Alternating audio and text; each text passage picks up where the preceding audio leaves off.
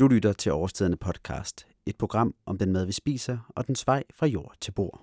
Denne podcast er en optagelse af et foredrag af Søren Ejlersen, som blev afholdt på Fasangården i Frederiksberg Have.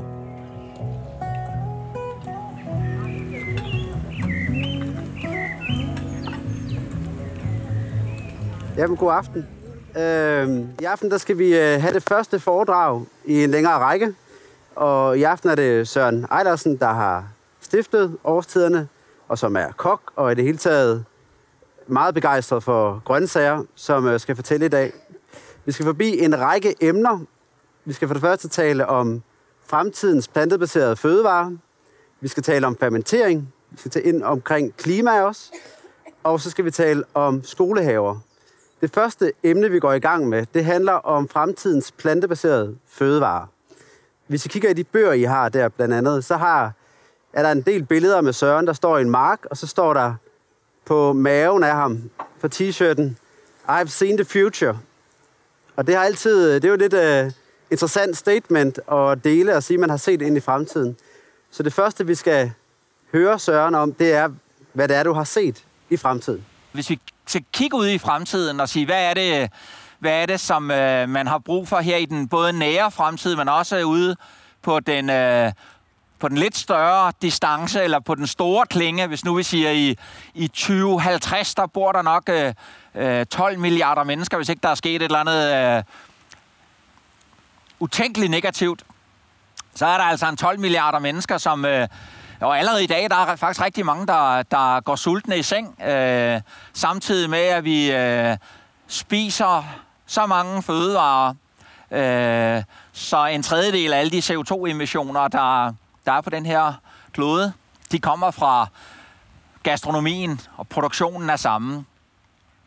Så hvor i alverden øh, skal man få den kabale til at gå op? Og det er øh, samtidig med, at øh, Thomas Hartung og jeg vi stadigvæk er dybt optaget af, af at, øh, at det bare skal smage helt vildt dejligt, og det skal være, være rent og sætte til livs så må du også gerne øh, aflevere et, et, et, en, en så pæn plovfuger som muligt.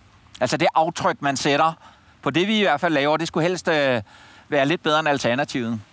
Alt det, jeg drømmer om, der måske kunne ske i 2050, der skal jeg gøre mig rigtig meget umage, hvis de, hvis de helt store drømme skal blive en åbenbaring. Men Søren, ja? du siger en masse omkring det her med, at fremtidens måltid skal være plantebaseret. Jeg kunne godt tænke mig at vide, hvad er det for nogle planter, vi skal spise? Fordi at i dag er der ikke særlig mange mennesker, der lever 100% plantebaseret, og er det det, du forestiller dig, at vi skal, vi skal gøre i fremtiden? Ikke at spise blandt andet ko, gris, kylling osv.?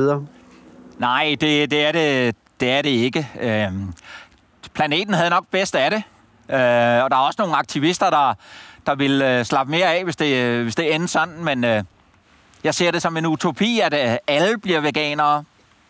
Jeg, jeg har i rigtig mange år arbejdet øh, imod et princip, der hedder 80-20. 20 procent animalsk energi i et gennemsnit globalt. Og det, det har faktisk øh, brugt rigtig meget energi på at prøve at undersøge, hvordan ser sådan et fremtidens samfund ud. Jeg har skrevet en forretningsplan på det, som omhandler netop Krogerup.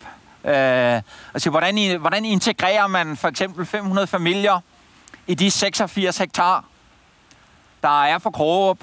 Det er så 86 biodynamiske hektar. Vi er nået så langt derop, så vi dyrker 342 forskellige slags planter.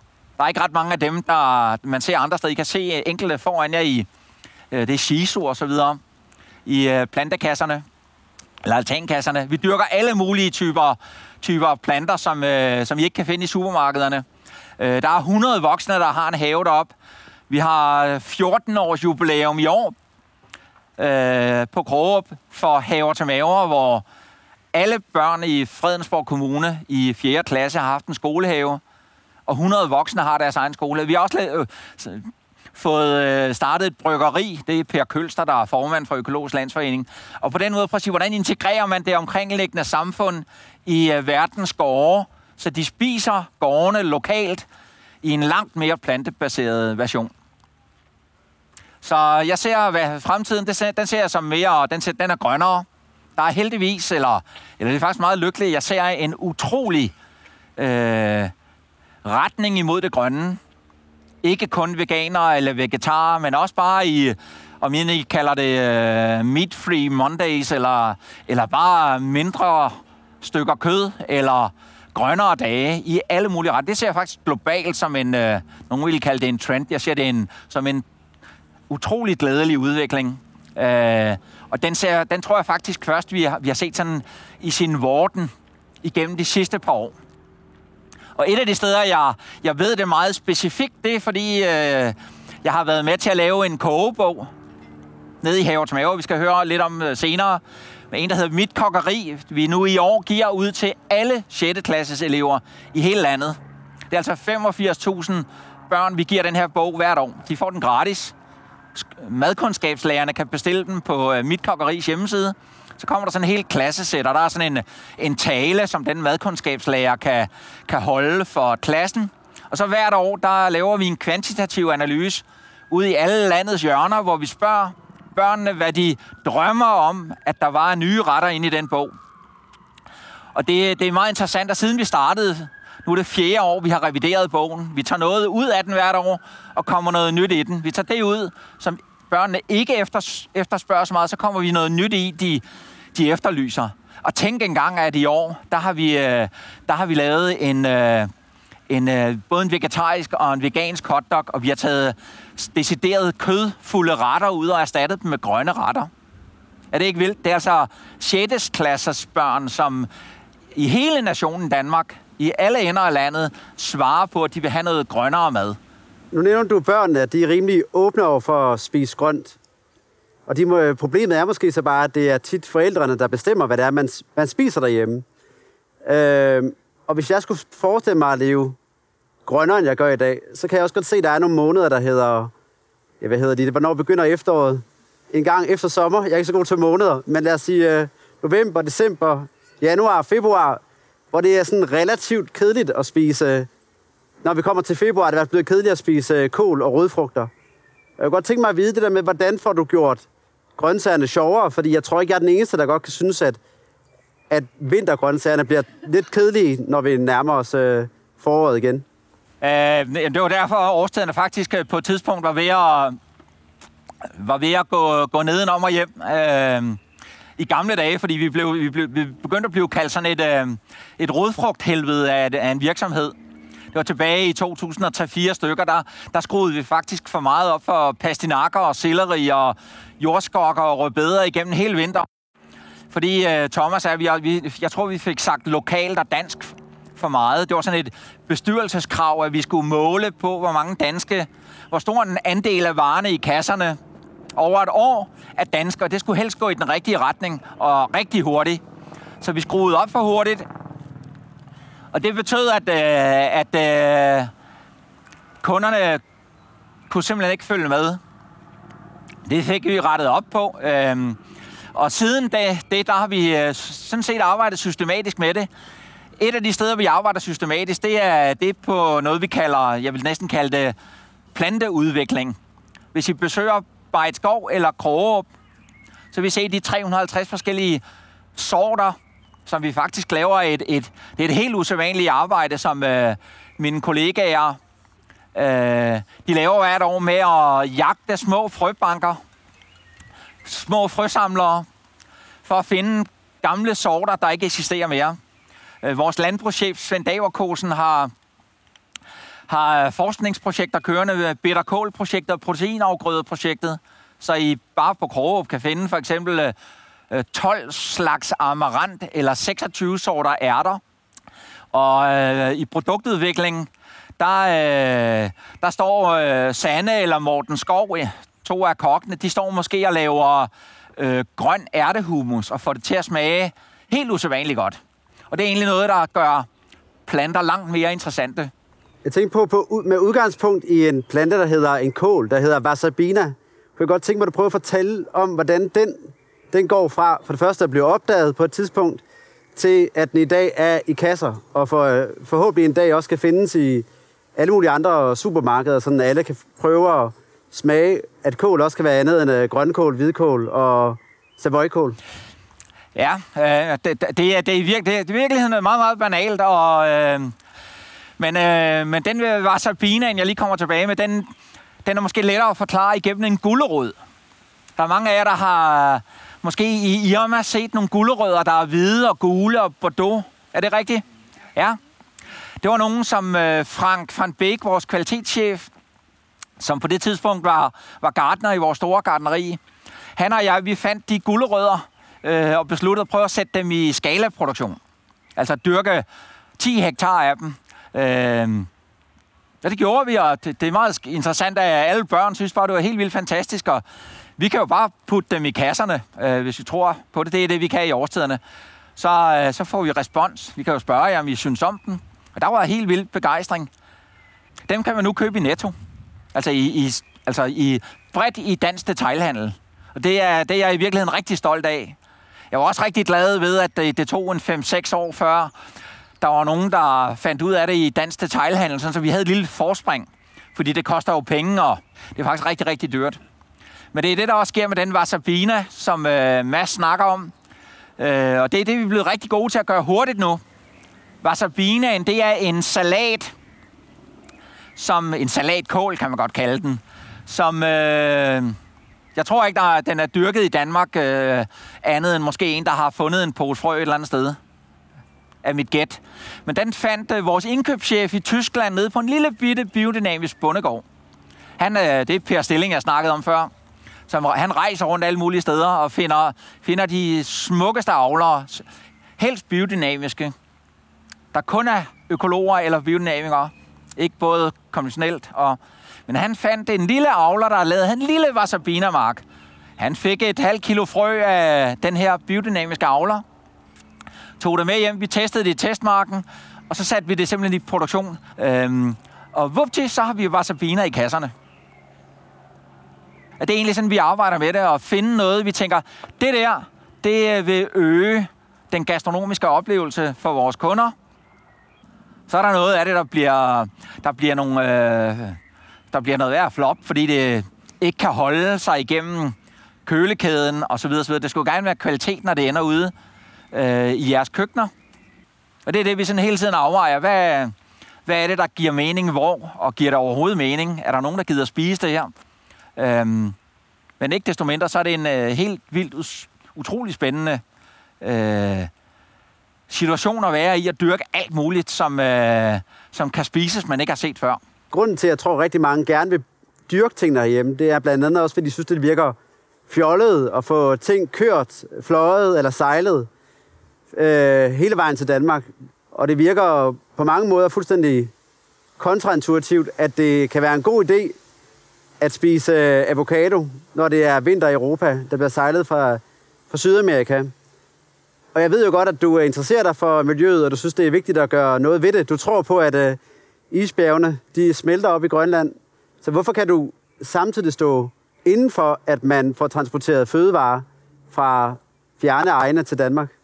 Vi har simpelthen regnet helt ned på, vi har lavet sammen med øh, klimatænketanken Concito, der har vi regnet helt ned på, på retniveau i de forskellige kasser og sige, hvad er, og det kunne være meget skægt at høre et gæt fra jer. Først et gæt på, hvor mange kilo CO2 øh, tager der at lave sådan en helt almindelig dansk øh, aftenmåltid? Og, og hvad sker der, hvis, øh, hvis det for eksempel er vegansk eller vegetarisk? Eller 80-20, som jeg talte om tidligere. Vi ligger nok på et niveau i Danmark, hvor vi gennemsnitligt er 50-50. Altså hvor halvdelen af vores kilokalorier kommer fra animalsk energi, altså fisk, kød, ost, etc. Øh, hvad tror I sådan et øh, måltid mad det, øh, det udleder af CO2. Sådan en kyllingevok med karri og ris, for eksempel. 4 kilo. Det er 8 cirka. 8,5. Men det er meget godt bud. Det er, der er nogen, der siger øh, 500 kilo, og nogen, der siger 2 gram. Hvis vi så tager de der 8 kilo øh, CO2, for eksempel i det aftensmåltid, og siger, i den der kyllingevok, det er jo ris, de kommer fra Indien og Øh, peberfrugten, den kommer fra Spanien, og kødet, det kommer skam også fra. Det er en, det er en fransk kylling.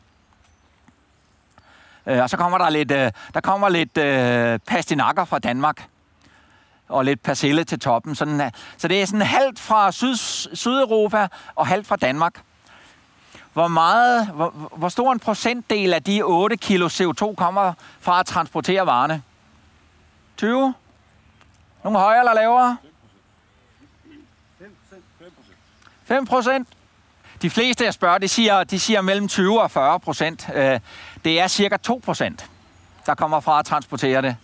Øh, det er altså, nu kyllingen, det er lyst kød, så den fylder relativt lidt. Hvis det havde været en øh, lille bøf på 150 gram, så ville det have været op imod 75 procent. Specielt hvis det, er en, øh, hvis det er en ko, altså en bøf fra en ko, der har spist noget øh, industrielt forekommet mad. Altså noget typisk sådan, øh, sådan som vi gør i Danmark. Det er jo, de spiser jo øh, menneskeføde eller industrielt produceret mad ude fra marker, hvor der kører en majtærsker og en plov rundt osv. Så, så i, en, øh, i, i en almindelig aftensmåltid, der er det cirka 70-75 procent af, af de 8 kilo CO2, de kommer altså fra animalsk energi. Og der er så en, øh, der er så en øh, vi har så listet op, øh, oksekød, mørkt oksekød er det værste. Øh, fisk er ikke så slemt, og kylling er heller ikke så slemt, og gris er midt imellem og så videre, men det er altså, det er altså kødet, der er den helt store sønder. Og jeg kan sige, man, man kunne faktisk sejle alle varerne øh, 10 gange rundt om jorden i et containerskib, uden at, at, at, at klimaregnskabet ville tage sådan en sønderlig skade af det. Ikke, at der er nogen logik i det, men transport, det fylder altså lidt øh, i det regnskab. Det sidste, vi skal omkring, som jeg har lovet dig, vi tager med, det er det her om børnene, som øh, skal tegne fremtiden for os. Det er lidt øh, i forhold til dig og mig, så er vi ligesom blevet øh, lidt opdraget allerede til øh, den her tallerken, hvor der var 50% kød og 50% andre ting. Men øh, du, da vi snakkede om det her oplæg, du skulle holde, så snakkede du om, at du godt kunne tænke dig at pløje hele parken hen ved siden af op i virkeligheden, og lave den om til øh, skolehaver. Men øh, kan du ikke prøve at fortælle lidt om, hvorfor det er, du gerne vil lave skolehaver, og hvad, hvorfor, det er lidt selvindlysende, men hvorfor børnene er fremtiden, og hvad det er, de for en opgave, de skal tage på sig? Jo, men jeg tror, jeg tror faktisk også, det kommer til at ske. Øhm, over i hjørnet bag Løje, hvis I kigger ind der, helt over hjørnet, bag øh, legepladsen, der har haft, øh, jeg har været meget til Løje i gamle dage. Og når jeg skulle ud af frisk luft, og åbnede bagdøren ud og kiggede ud og tænkte, wow, det der, det skal en dag blive til skolehaver. Med de skolehaver, vi lavede op på Krogerup, det er blevet til, efterhånden blevet til, jeg tror i går, der åbnede skolehave nummer 36 i Danmark, som vi har været med til at, at få hul på. Det var på øh, Liljendal Gods nede i Vordingborg. Det er meget, det, det, så det, det har fået sådan en, en relativ rækkevidde. Jeg tror, vi er oppe på næste år, så runder vi 33 procent af alle børn i Danmark, der går i 4. klasse. De har fået en skolehave. Gennem haver til maver. Sidste uge, der åbnede vi Gråsten. 700 børn, der får skolehaver dernede. Og så er der andet, at det simpelthen poppet op i kolonihaver, i ghettoer, og alle mulige mærkelige steder. Så jeg tror også nok, vi skal få lov til at pløje øh, haven op her. Vi har fået lov i Bernstorff og Det er Niels Mellergaard og Anne, som er, som er dem, vi har kontakt med. De samme mennesker, som, som øh, har ansvaret for fasangården. Så det skal nok ske her. Men, øh, men jeg gjorde det selvfølgelig også, fordi at jeg synes, at børn skal, øh, som kok, at de skal forstå, hvor maden kommer fra. Og forstår øh, kompost og sommerfugle og fotosyntese. Men jeg havde altså ikke gættet, at når vi nu så øh, har forskere, specielt Karen Vistoft, har hjulpet os rigtig meget fra DPU og Aarhus Universitet. Hun har faktisk været på gården i dag. Når hun kigger på det, både kvalitativt og kvantitativt, der kommer hun op, altså op med nogle, øh, med nogle øh, evalueringer, som jeg ikke havde gættet på. For eksempel, at, øh, at øh, mobning, mobning det forsvinder fuldstændig, når børnene er i, ude i skolehaven. Og det sætter sig eftertrykkelige spor i det, der sker bagefter, når de har haft en sæson i haver til maver. Hun kalder det, den sociale sammenhængskraft, den bliver utrolig styrket. Altså, mens de er i haverne, og hun har altså kigget på skolehaver, vi har været med til at lave over hele landet. Aalborg, Odense, øh, Furesø, Gribskov osv. Mobning forsvinder fuldstændig. Det er ikke sådan, at det forsvinder for altid, men øh, i, øh, i en lang periode, der kan man simpelthen se, at børnene har en meget større social sammenhængskraft. Mo- hvad hedder det? Kredsenhed, det forsvinder fuldstændig, når de er i skolehaverne. Det er ikke sådan, at de bare kan lide alt hele tiden. Men de går, kommer faktisk hjem og efterlyser nogle grøntsager og nogle af de spændende ting, som de har, de har dyrket og oplevet i haverne.